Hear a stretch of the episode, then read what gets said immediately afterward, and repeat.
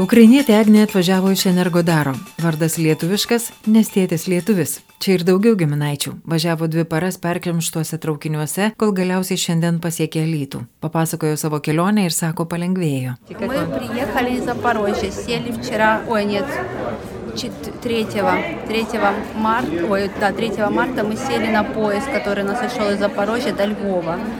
А, Очень тяжелая была дорога, поезд был очень набитый, прямо мы прямо сиди, спали стоя, заняли даже третьи полки, знаете, на которых обычно не спят, ну, чтобы разгрузить. Atvažiavom iš Zaporožės. Kovo trečią dieną sėdom į traukinį, kuris iš Zaporožės nuvežė į Lvivą. Labai sunkiai kelionė buvo, traukinys perpildytas, mėgojom stovėdami, užėmė ir trečią aukštą, kuris šiaip skirtas ne žmonėms, o lagaminams. Dėl to vagone buvo labai karšta ir tvanku, vaikai visi šlapi ir taip 20 valandų važiavom iki Lvivo. Tada Lvivė stojom į eilę į traukinį, kuris veža į Pšemišlį. Stovėjome penkias valandas eilėje, tada atvažiavo traukinys ir visi žmonės puolė brautis į jį. Toks kamštis, va vaikai maži, galiausiai mūsų mažiausi vaikai sodino jam šešeri, dar mažo ūgio, tad įlipom. Tada labai ilgai stovėjom prie sienos, Lenkai neįleido, įsėdom apie 12.30, o Lenkijoje buvome 1 val. nakties, nors ten netoli. Ukrainiečiai patikrino mūsų pasus, tada labai ilgai ieškojo po vagonus kažkokio žmogaus, kuris lyg ir su rusišku pasu. Tad ilgai laikė ir gal tik 11 val. vakaro traukinys pajudėjo į Pšemyslį. Mano tėvas Lietuvoje ir giminaičiai dėdė teta, todėl mes į čia ir važiavom. Jie mums organizavo, kažkokie žmonės iš organizacijos pasiūlė padėti, jie mus paėmė iš Lenkijos ir mes nuo antros nakties, štai dabar atvažiavom знаю, apie искали по vidurdienį. вагонам какого-то мужчину, у которого был русский то ли паспорт, не знаю, нас долго держали и поляки не пускали. Потом и только там, наверное, в 11 поезд начал двигаться туда, в Щемель. Вот. Ну, а там уже от, ну, я- меня просто тут отец в, ну, в Литве, вот. Вас? Да, поэтому вот и родственники, дядя, тетя, вот, поэтому мы сюда. Э, Они нам организовали э, какие-то мужчины с какой-то организации, они оставили заявку, хотели помочь, и они нас забрали с э, Польши. И вот мы с двух часов ночи ехали сюда, вот, вот только приехали. Только сейчас, Да, да? вот такая дорога. Усталые такие, да? Дети очень устали, но выдержали. Вот. Муж говорит, хорошо, что мы уехали. Мы живем в Запорожье возле Энергодара, это наша область, вот там, где... Так вы перед этим обстрелом, да, да, уехали? да, мы перед обстрелом, э, и вчера хотели люди уехать уже вчера, 4 Vaikai labai pavargo, bet atlaikė. Vyras sako gerai, kad išvažiavot. Mes gyvenam Zaporožėje prie Energodaro. Išvažiavom prieš atominės elektrinės apšaudimą. Žmonės norėjo išvažiuoti jau po to, kovo ketvirtą dieną, bet nebegalėjo. Atšaukė ir traukinius kažkodėl, nors buvo kalbėta, kad jų kaip tik bus daugiau, bet atšaukė ir tuos, kurie buvo, tad mes dar suspėjom. Vyras liko Ukrainoje ir brolis, jo tėtis irgi lietuvis, liko ten užsirašė į teritorinę gynybą, gina mūsų miestą. Наверное, Нет, или, муж, или... муж у меня остался там. Муж за там, братом. а, муж там, тут Да. просто... Да, и брат остался, он тоже, ж у него фамилия такая же, тоже, как, ну, папа наш литовец, остался там, он записался в территориальную оборону, защищает наш город. Ну да, Как большинство, да.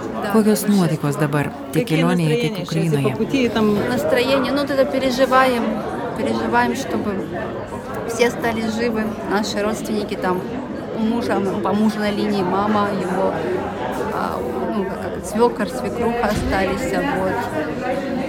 все Запорожье или, или повсюду? Все Запорожье, еще другие родственники там, где у нас Мелитополь. там, Pergyvenam, kad visi liktų gyvi. Mūsų giminaičiai iš vyro pusės Uošvei liko, visi Zaporožėje, dar kiti giminės Melitopolyje, kuris labai smarkiai nukentėjo. Su visais palaikom ryšį, mūsų miestas dar nebuvo smarkiai subombarduotas, bet žmonės labai pergyvena, nes dauguma turi giminių, draugų Kijeve, Harkive, visi nuolat susiskambinam, net jei anksčiau ir nebendravom. Dabar su visais draugais, giminėm, klasiokais nuolat skambinamės ir palaikom ryšį. Žinom, kad į Kievą išvažiavo kai kurie, iki Lvivo nuvažiavo ir ten lieka, nes nenori palikti vyrų. Kai kas bijo be vyro išvažiuoti ir lieka. Zaporožėje nėra normalių slėptuvių, namų rusiai nepritaikyti slėptis, kai kurie net be ventiliacijos. O mokyklose, kur slėptuvės labai daug žmonių, ateina su šunimis, su gyvūnais labai triukšminga, labai dul, daug dulkių ir labai sunku. Vaikai jau bijo sirenų, nors ir nebombarduoja, bet vaikai žino, kad reikės eiti į slėptuvę. Dar naktį specialiai išjungiamos visos šviesos, kad nebūtų nieko matyti, tad bėgam tamsoje slėptis. Запорожье нету нормальных этих э, бомбоубежищ. подвалы домов не приспособлены для укрытия, некоторые без вентиляции.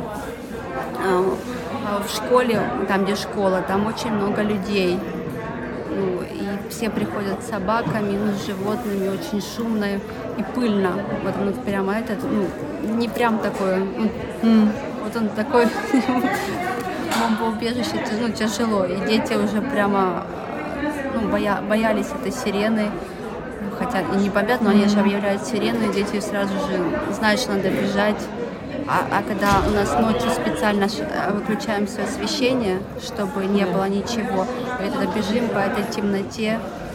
Dabar jau Lietuvoje ir laukia šeima. У вас есть семья, у вас есть знакомые, так что... Папа есть, дядя, вот они нас ждут. Мы сначала сюда и поедем в Вильнюс просто. В Вильнюсе живут, да? Даже муж сказал, говорит, сначала он, ну, Taip, tėtis dėdė mūsų laukia, susitvarkom dokumentus ir važiuojam į Vilnių. Net vyras pradžioje jis labai pergyveno, kai aš nusprendžiau išvažiuoti, o šiandien skambinome, sako, džiaugiuosi, kad išvažiavot, man dabar dėl jūsų ramu. Sako, teisingai padarėt. Mes dar suspėjom prieš energodarą.